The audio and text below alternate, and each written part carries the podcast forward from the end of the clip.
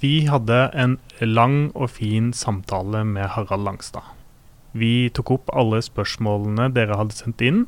Og derfor måtte vi dele episoden inn fire episoder. Dette er tredje episode. Hei og velkommen til Hverdagen med NTL. Jeg heter Torgeir Homme. Og mitt navn er Ove Thorheim Sandvik. Vi lager nå NTL Navs medbestemmelsesskole. For å gi deg en enkel innføring i det viktigste rundt medbestemmelse i Nav. Så hvis du er ny som tillitsvalgt, Eller litt gamlere tillitsvalgt som trenger oppfriskning på basicen, eller hvis du bare er litt interessert i medbestemmelse, så er dette noe for deg. En annen ting som mange vil ha innflytelse på gjerne, er lønna. Har vi spørsmål om lønn nå, Ove? Eh, Ja takk. Jeg... Uh, ja, Arne Bjørdalen fra Oslo ehm, eh, har noen spørsmål eh, ja, Det er flere som har spørsmål om den, men eh, vi starter med Arne. Lønnsforskjellene i Nav er økende.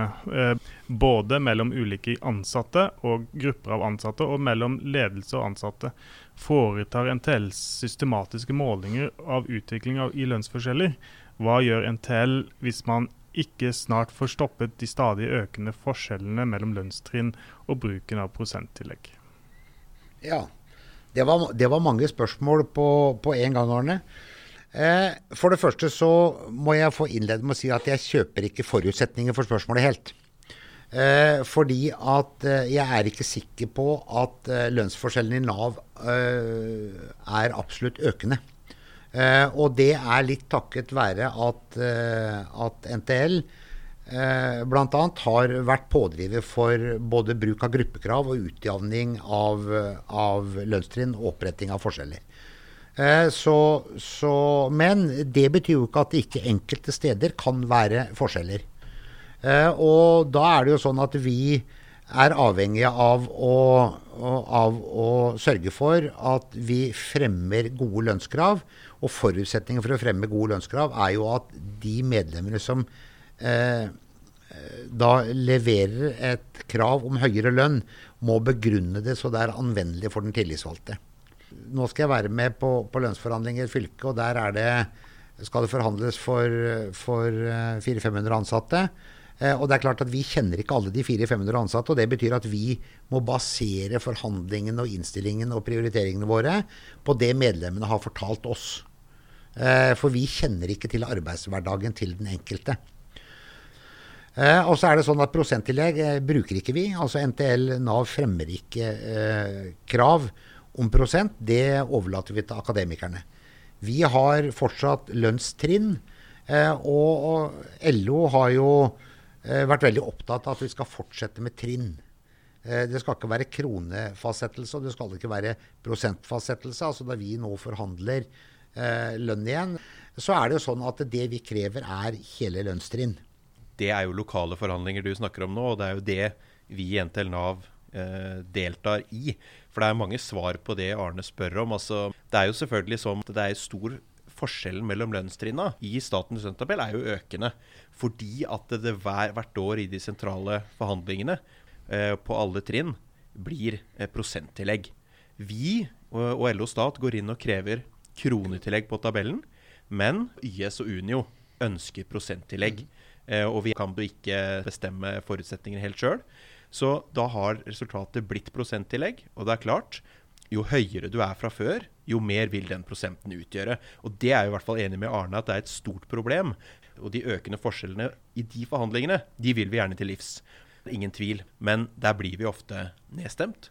Så da er kanskje løsningen der at vi må være flere medlemmer bak det kravet. Da er det større sjanse for å få, få det gjennom. Ja, og det er, det er altså I en ideell verden så hadde alle vært medlemmer i NTL. Eh, men vi må leve med at alle ikke er medlemmer i NTL. Og da er vi, da er vi jo egentlig ute av etaten og inne eh, på det sentrale området. Mm. Eh, og der, der, er det jo det å si til Arne da, at her står det en kamp til som antageligvis er like viktig. Og det er kampen for å beholde tarifformen som vi har den i dag, med trinn og ikke med, med prosenter og, og fastsatte kroner. For det vil jo si at den dagen vi da har altså kronefastsettelse og all justering blir i, blir i prosent, da er vi ordentlig ute å kjøre. Så, for da, og da, da er det jo sånn at man bør kanskje tenke gjennom, så lenge man er under lønnstrinn 55, om det hensiktsmessig er å være rådgiver i kode eller være førstekonsulent, der vi da har en utvikling til ti år og mulighet til å forhandle på alternativer. Eh, og vi har i etaten, eh, med stort påtrykk fra, fra NTL Nav, eh, bl.a. en personal- og lønnspolitikk nå som sier at man altså skal legge folk på det gunstigste området i forhold til lønnsutvikling. Og da minner jeg om at opprykket mellom 9 og 10 år på, for førstekonsulentene er fire lønnstrinn. Så, så, her er spørsmålet om man skal se det altså i et mikroperspektiv i, eh, i, Nav, eller om man skal se på makroperspektivet og, og de sentrale lønnsoppgjørene. Og så er det jo en annen ting Arne var inne på. Et, et, annet av de spørsmålene han hadde, var jo dette om NTL Nav da, eh, har systematiske lønnsmålinger. Og det er klart, eh, Når jeg ser det spørsmålet, så tenker jeg jo kanskje vi burde lage, ha enda bedre eh, av den type målinger for hele etaten. Men der blir det ofte område for område. Som hvordan er utviklinga her hos oss. Så kanskje vi har et potensial der. Ja, uh, det har vi. Og, men jeg kan, da, jeg kan, jo da, fortelle at det er jo, det er jo noen av oss som er sentrale tillitsvalgte, som da sitter og jevnlig har gjennomgang av eh, lønnssammensetninger for alle ansatte i etaten. Og det er jo et viktig måleverktøy også, da vi eh, bruker en eh, lønnsmetodikk som av og til er litt forvirrende for arbeidsgiver, og det er gruppekrav. Eh, for det handler om å, å legge et lønnsnivå eh, på arbeid av lik type, eh, basert på hvilke stillingskoder og oppgaver folk har, og hvor de, hvor de jobber hen. Og det er jo flere fylker som gjennom mange år har jobba med den modellen for å sette en minimumsstandard for altså arbeid av lik type, og at det skal lønnes tilnærmelsesvis likt. Og så har vi, har, vi en, har vi, en, liten pedagogisk utfordring. For paradokset for førstekonsulentene og lønnsramme 21 er at, er at det er åtte alternativer. Og det er i realiteten da en lønnsforskjell på åtte lønnstrinn for samme type arbeid. Altså avhengig av i hvilke trinn du er blitt eh, plassert. Og For å gjøre den forvirringen total, så er jo alternativ 11 det høres jo mye mer musikalsk ut enn å få alternativ 10 f.eks., men det betyr at da har du ingen lønnsutvikling. Mens i 10 så har du lønnsutvikling. Og det er litt sånn hvordan reagerer vi på tall og verdien og størrelsen av tall. Så her er det, her er det mange eh, innfallsvinkler. Men eh, jeg tror vi kan berolige Arne og alle andre eh, rettorganiserte NTL-ere med at vi faktisk eh, jobber mye med lønn og lønnsutvikling og anstendighet i lønnsfastsettelsen. Og vi er skeptiske til at folk eh, skal være lønna så dårlig at de må velge mellom de vil kjøpe bolig eller kjøpe mat. Altså det, er, det er i et uh, samfunnsperspektiv uh, uanstendig. Ja. Uh, Arne har jo flere spørsmål. Hvorfor har ikke NTL fått gjennomslag for de, å få de uorganiserte ut av vår tariffavtale? Hvorfor skal vi ha med de uorganiserte når f.eks. Ak akademikerne ikke har med denne gruppen i sin avtale? Bør ikke NTL inngå en egen tariffavtale som kun gjelder for våre medlemmer? Nei, nei og nei. Det er det å ha med de uorganiserte, det er Guds gave til potten. For det betyr at akademikerne får tildelt etter hvor mange de er. Det akademikerne ikke får, det fordeles til resten. Og det betyr at vår mulighet, ikke bare NTL sin, men Unio og YS sin mulighet også, det er å sørge for at våre medlemmer da får flere lønnstrinn. Eh, I kraft av at de som ikke er organisert noen plass, får færre lønnstrinn. Så det er faktisk en fordel det å ha de ansattes lønnsmasse i vår pott? Det er Guds gave til oss som skal forhandle lønn. Eh, og, og, og, det har jo vært en, jo vært en tommelfingerregel i, i, NTL i årevis. At vi gir oss ikke og skriver ikke protokoller og aksepterer ikke lønnsfordeling under prorate.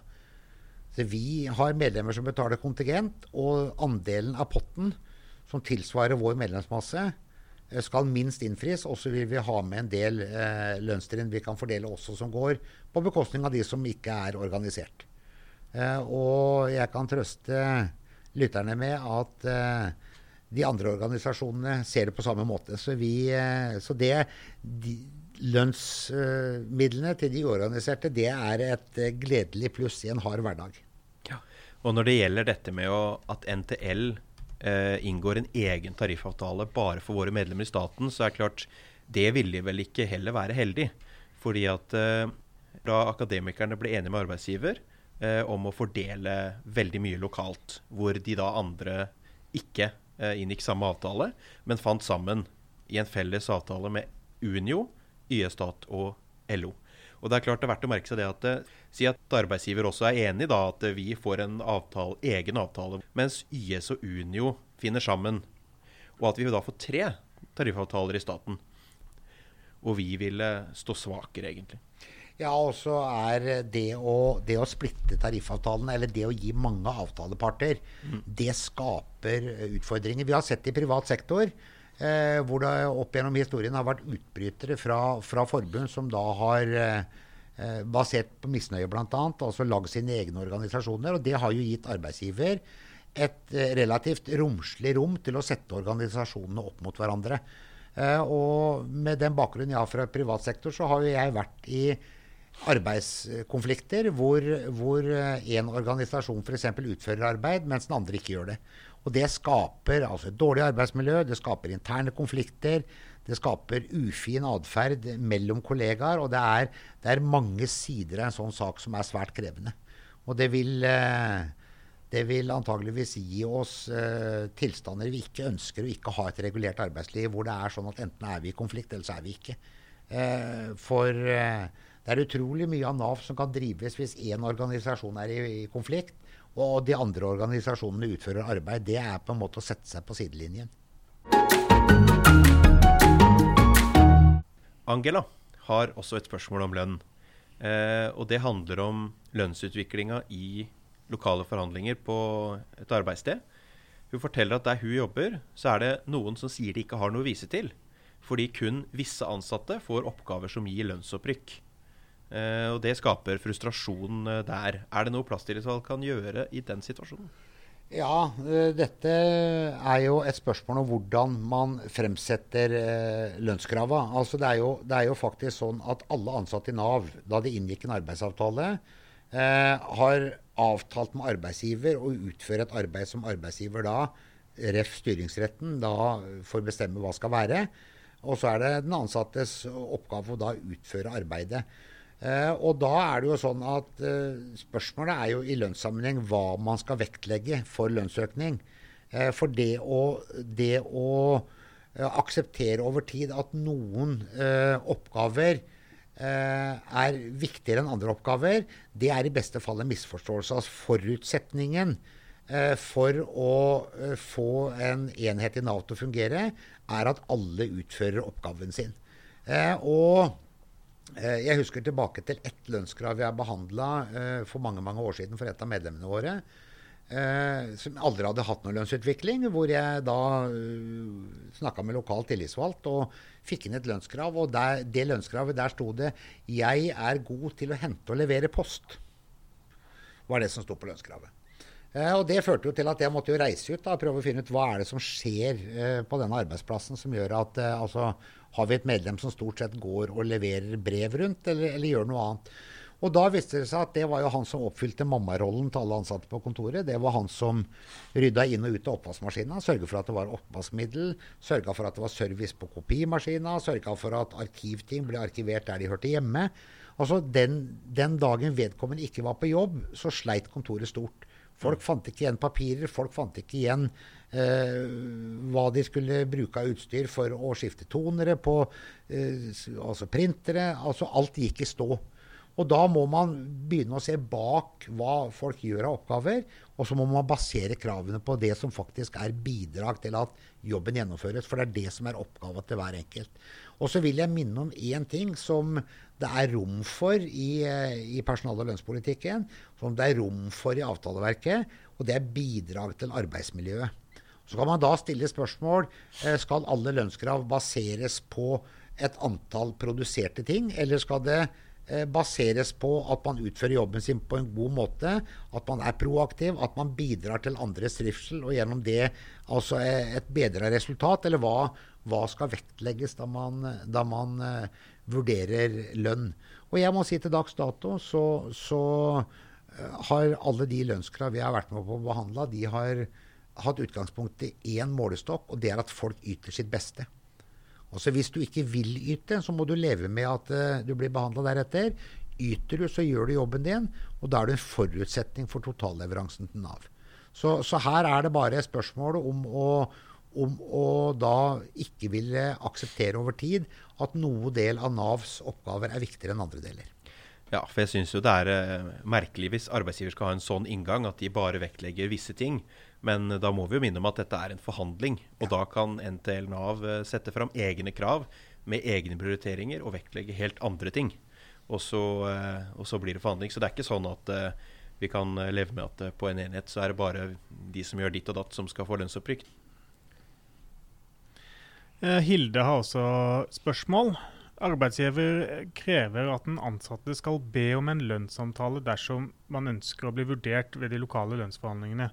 Dersom man ikke gjør dette, bruker arbeidsgiver dette som et argument for at man ikke blir tatt med av arbeidsgiver ved de lokale forhandlingene. Uh, spørsmål Hva synes du om at arbeidsgiver krever at den ansatte gjennomfører en lønnssamtale for å bli vurdert i arbeidsgivers prioritering? Nei, jeg må si at Mitt umiddelbare svar på det er at jeg ser jo ingen grunn til at ansatte ikke, eller at ansatte skal motsette seg å ha lønnssamtaler. Eh, og, og, jeg syns jo det blir veldig pussig hvis den ansatte eh, forventer at arbeidsgiver skal vurdere eller fremme krav eh, basert på at den ansatte ikke vil snakke med leder om sin egen lønnsutvikling og sin egen arbeidsutførelse og oppgaveutførelse. Så, så jeg er av den oppfatning at eh, og, det er personal- og lønnspolitikken nå, at det skal gjennomføres en årlig eh, lønnssamtale og, og snakkes om kompetanseutvikling, lønnsutvikling, oppgavefordeling, eh, arbeidssituasjon, tilretteleggingsbehov osv. Eh, og, og det mener jeg er en plikt både for arbeidsgiver og den ansatte å gjennomføre disse samtalene. Og det er forutsatt sentralt at det gjennomføres. Ja, det er jeg helt enig i. Og så har, vi jo, har Hilde litt flere spørsmål som går på litt om gjennomføring av det, og det er kanskje mer interessant. For eksempel, så forteller jeg at arbeidsgiver skriver ikke referat fra disse lønnssamtalene. Eh, og spørsmålet er kan den ansatte da be om at arbeidsgiver fører referat?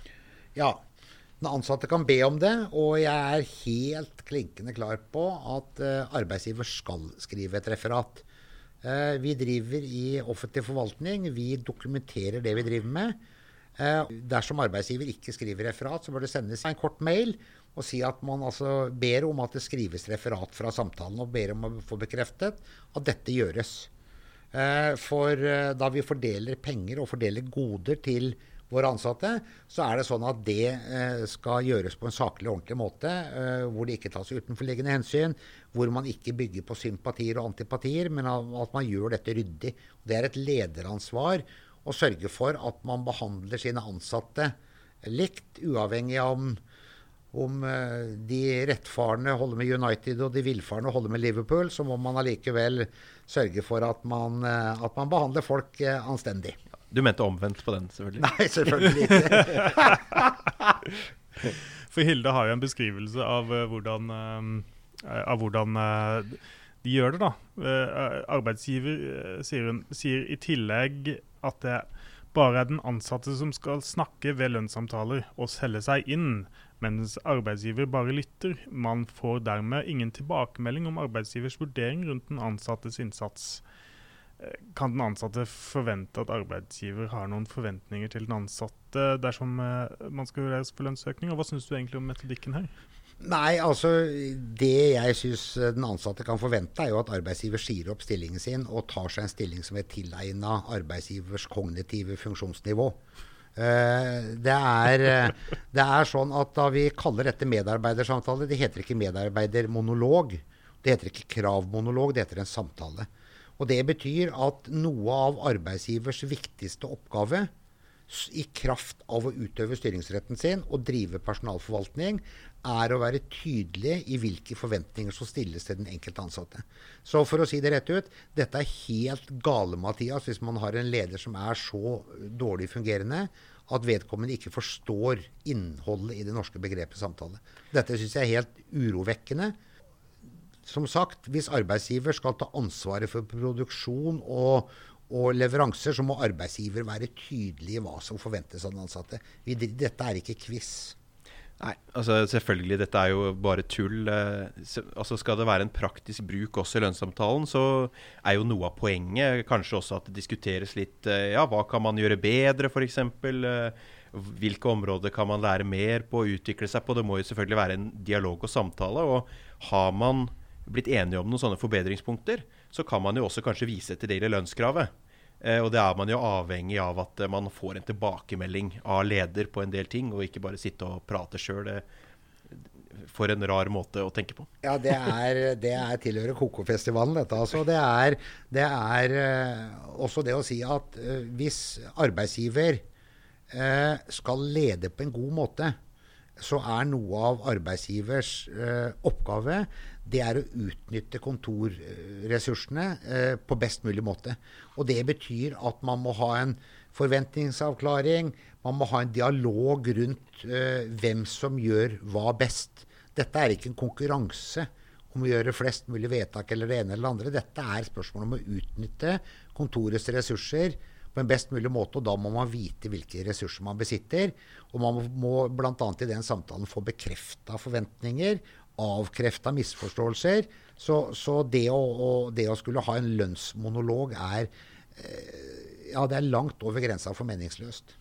Ja, Vi kan vel legge til grunn her at, eh, at at uh, norske modellen ligger, ligger, dialogen veldig sterkt. Og da Det burde også gjelde mellom medarbeider og nærmeste leder. Ja. Takk til deg som hørte på. Hvis du har spørsmål eller kommentarer, ris eller ros, så er vi veldig takknemlige om du sender en e-post til torgeir.homme, alfakrøllnav.no. Vi høres.